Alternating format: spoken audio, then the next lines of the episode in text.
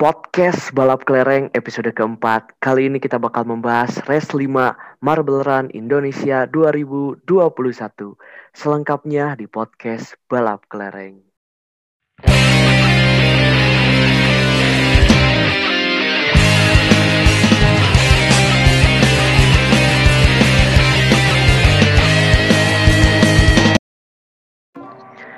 Halo pencinta balap kelereng tanah air. Selamat mendengarkan kembali podcast balap kelereng. Masih dipandu oleh saya Hasan Abdurrahman dan rekan saya Adnan Mahardika.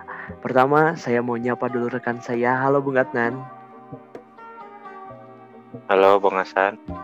Akhirnya ya setelah satu episode kita libur kemarin Mungkin klarifikasi dulu lah Bung Adnan boleh. Kita kemarin ke mana gitu? Lebih tepatnya Anda yang ke mana gitu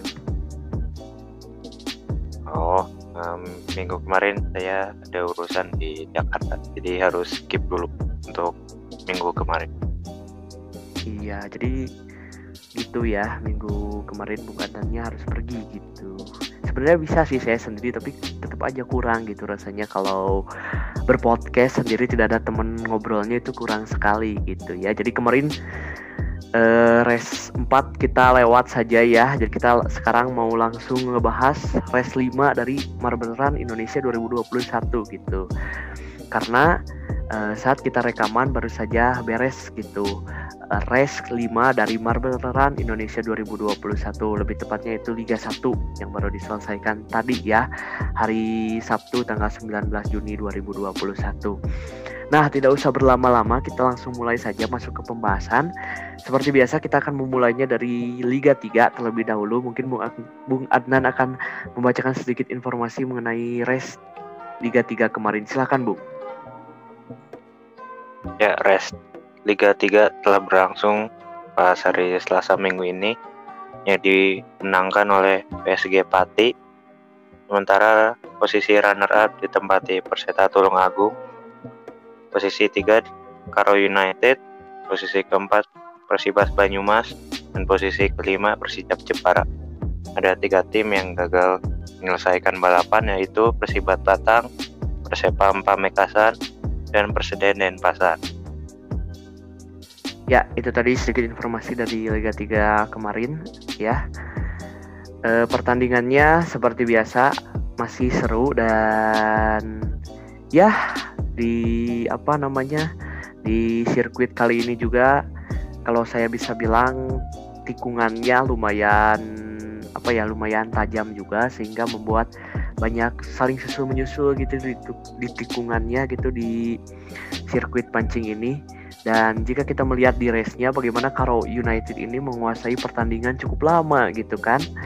Menguasai pertandingan cukup lama namun naasnya Karo United ini harus gagal finish di posisi pertama. Hal ini tidak terjadi sesekali gitu dari Karo United terjadi beberapa kali termasuk dari race 1. Kalau kita bisa lihat di race 1 kemarin Karo United ini uh, menguasai pertandingan juga cuman memang gagal finish lagi di posisi satu. Nah, kalau dari Bung Adnan sendiri bagaimana melihat race kali ini? Hmm, Karo United kayak seri-seri balapan sebelumnya awal-awal pasti aja. Kalau nggak memimpin ya posisi kedua ketiga terus nanti lama-lama nurun terus akhir-akhir ya ketiga keempat. Ya di situ-situ aja sih. Iya setuju banget ya. Nah, terus lagi lagi lagi dan lagi presiden dan pasar nih, Bung, yang sudah kita bahas di episode kemarin. Uh, kenapa ini? Padahal kita sempat menyarankan uh, apa beberapa saran untuk improve gitu buat presiden pasar tapi lagi-lagi dan lagi harus gagal nih kalau menurut Bung Adnan sendiri gitu. Kenapa gitu si presiden pasar ini? Kenapa lagi nih kelereng? Hmm, kalau buat race ini sih hmm, kayaknya sial karena keluar lintasannya diakibatkan konveyor gitu kan. Konveyornya sempat bermasalah di awal-awal lap ke-12 ya bener banget. Gitu sih ya. Presiden pasar ini padahal sudah dikasih saran oleh kita-kita tapi tetap saja gitu. Dan yang masih konsisten itu ada PSG Pati ya. Masih konsisten gitu di posisi yang atas. Dan ya seperti itulah conveyor masih menjadi kunci lagi-lagi terjadi yellow flag di awal lap ke-13 karena Keprijaya mengalami stuck sehingga menghalangi jalannya balapan. Gitu sih ya. Terus terjadi green flag Keprijaya kembali melanjutkan balapan dari tikungan ke-10 gitu. Ada note juga sedikit untuk masalah seperti ini yang dialami oleh Keprijaya. Sesuai dengan regulasi dari MRI tim yang terhenti saat balapan berlangsung akan diperbolehkan untuk melanjutkan balapan jika ia mendapat dorongan dari tim lain. Tentu saja jumlah lapnya tidak sama dengan tim yang lainnya sehingga otomatis Keprijaya akan finish di posisi terakhir gitu ya. Jadi kurang beruntung aja nih Keprijaya di race kali ini gitu ya. Nah, yang mau kita bahas adalah Karo United gitu kan. Seperti yang tadi saya sudah bilang bahwa Karo United ini dari race 1 sampai race kelima ini cukup menguasai pertandingan tapi selalu gagal finish di posisi pertama. Kalau menurut Bung Adnan sendiri apa gitu penyebab dari Karo United ini bisa seperti itu gitu. Dominan tapi tidak berhasil menang-menang. Mungkin apa namanya pembalap yang dipasang nggak cocok sama keadaan sirkuitnya gitu. Ya bisa jadi bisa jadi.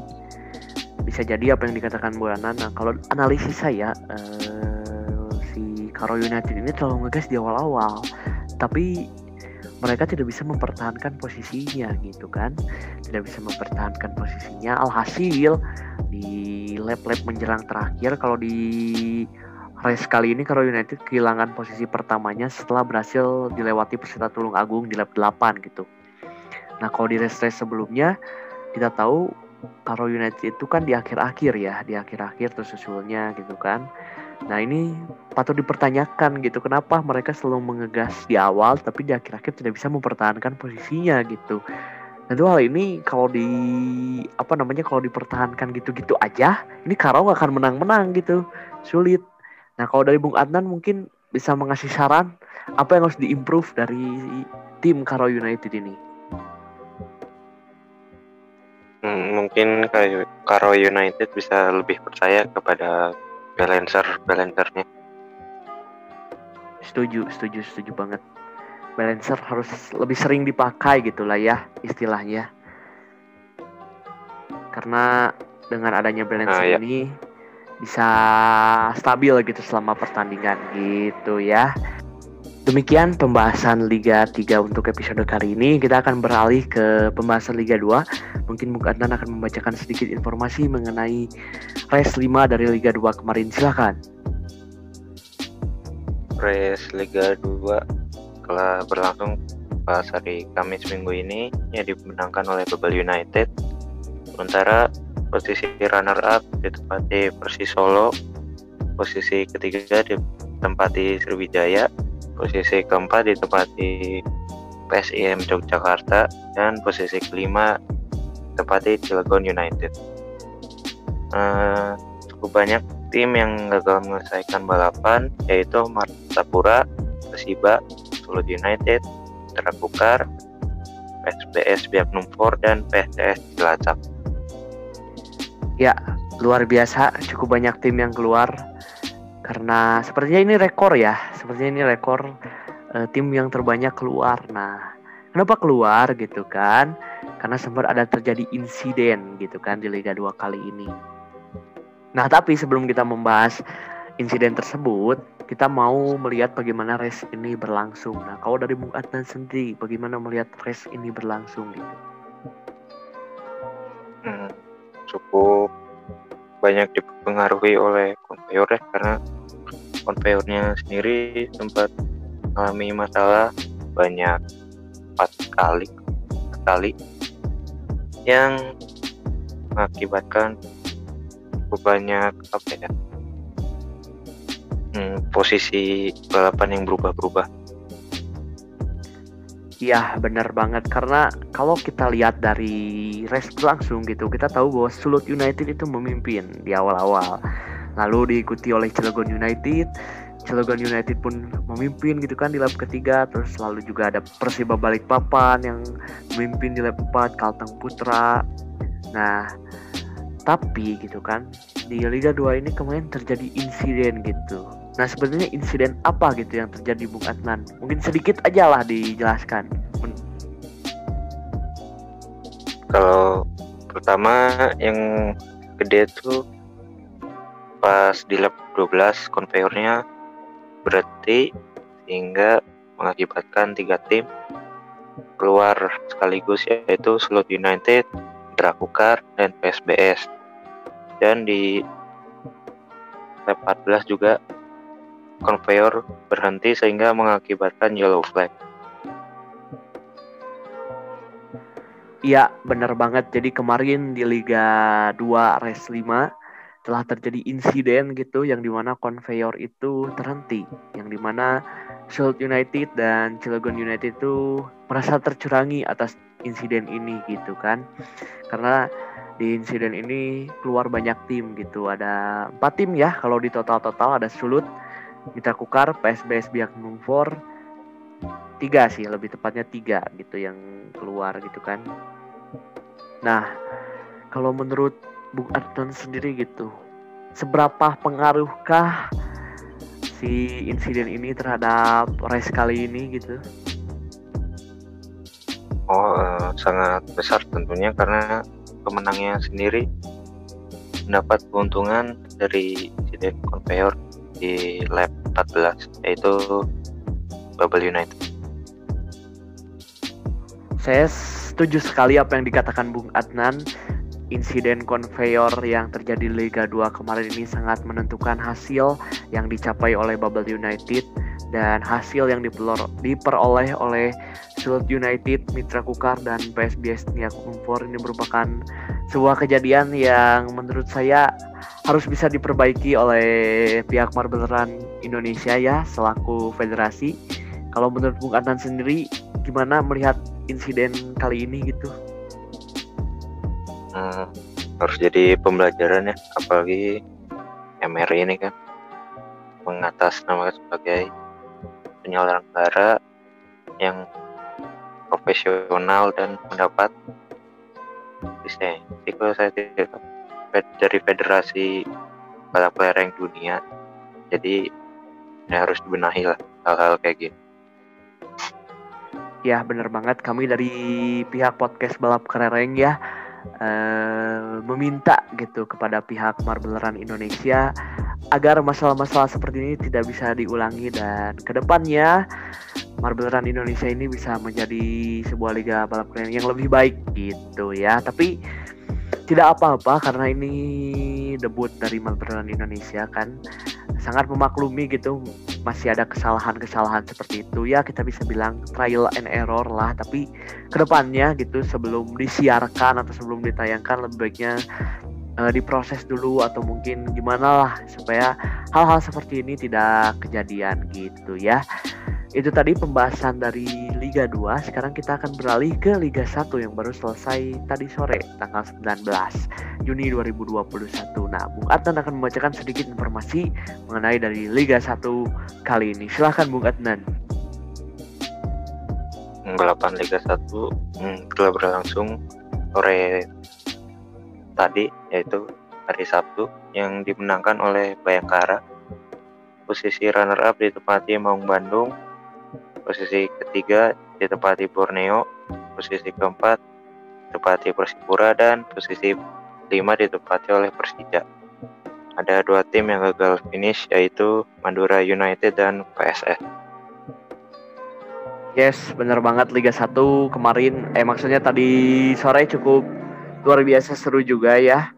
Eh, karena kita tahu bahwa Persela itu sempat memimpin di awal-awal, diikuti oleh Borneo, lalu tiba-tiba uh, Persita gitu kan yang memanfaatkan track zigzag, MU yang tiba-tiba terlempar, terus tiba-tiba secara kita tidak sadar gitu kan PSM yang tiba-tiba memimpin balapan gitu di jalur zigzag gitu kan.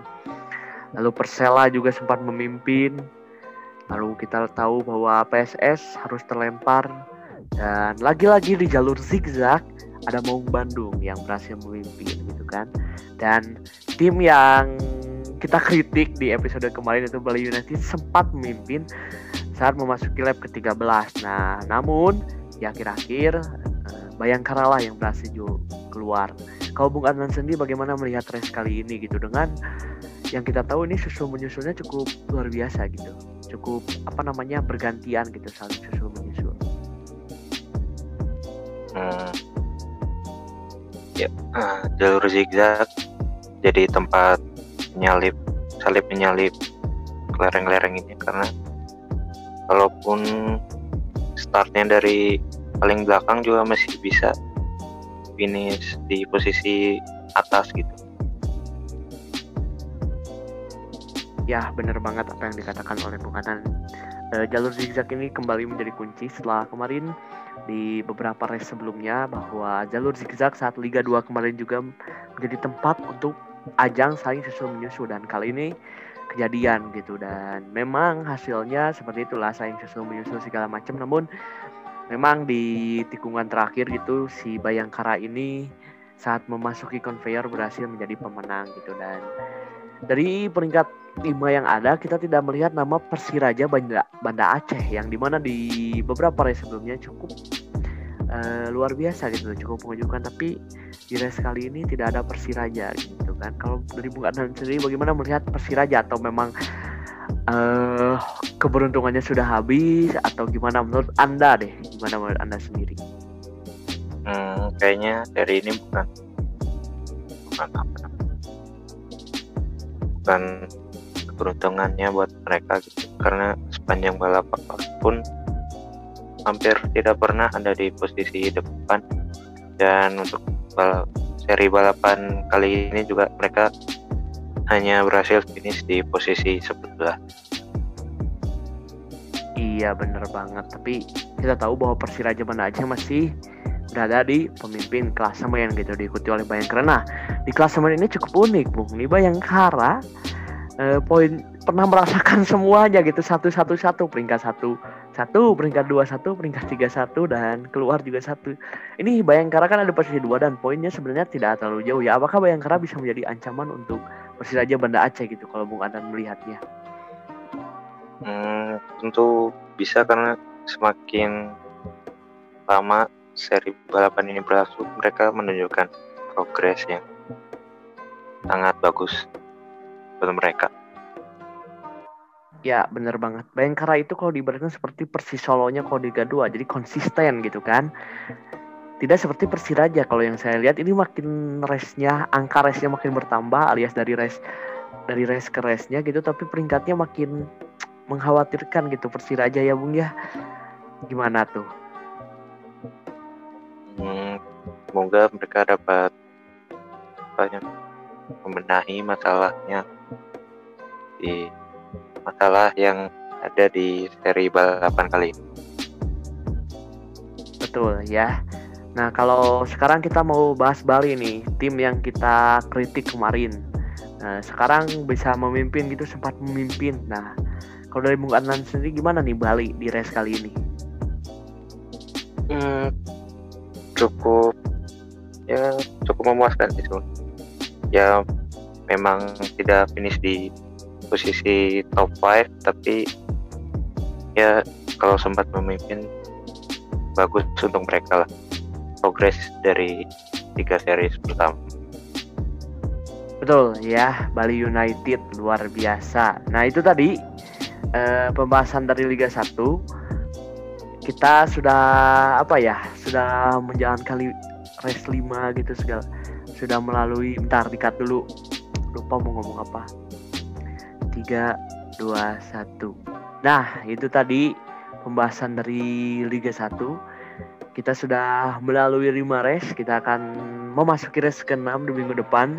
Kita tentu tidak sabar menunggu kejutan-kejutan apa lagi dari Marble Run Indonesia. Nah sebelum episode berakhir eh, sekali lagi kita sangat menyayangkan gitu atas insiden kemar insiden kemarin di Liga 2 ya. Kami berharap sebesar-besarnya kepada pihak Marbelan Indonesia untuk segera memper memperbaiki eh, apa kekurangannya gitu dan semoganya ke depannya tidak terulang lagi hal, hal seperti ini.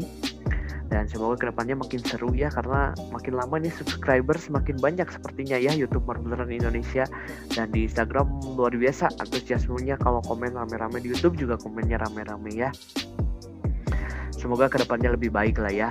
Dan semoga fans-fansnya juga makin bersatu gitu. Semoga atas insiden ini tidak terjadi head comment gitu di sosial media atau di mana di YouTube gitu. Semoga semuanya baik-baik saja karena mari kita wajarkan lah hal-hal seperti ini gitu ya. Nah, buat pencinta balap kelereng tanah air yang udah dengerin episode kali ini, jangan lupa di share gitu kan ke Insta Stories terus di tag ke at podcast balap kelereng kalau di Instagram boleh juga di mention di Twitter gitu kan ada di at balap kelereng underscore. Boleh juga ke podcasternya kalau saya di Instagram ada di at M Hasan Abdurrahman kalau di Twitter di Hasan Abdur 234 nah kalau Bung Atan di mana tuh? Kalau Instagram saya Mahardika underscore Adnan kalau Twitter Adnan Game, G-nya gede, Adnan Game 9. Oke, demikian episode podcast balap keren uh, kali ini. Jangan lupa di share ya, jangan lupa didengerin juga sampai akhir dan jangan lupa di follow Spotify-nya, sosial medianya dan segala macamnya lah yang ada ya. Demikian episode kali ini. Mohon maaf bila ada salah-salah kata, salah informasi atau mungkin kita kurang dalam menyampaikan hal. Kalau gitu saya Hasan Abdurrahman pamit. Saya Atan Marika pamit. Sampai berjumpa di episode selanjutnya. Terima kasih. Bye. Bye.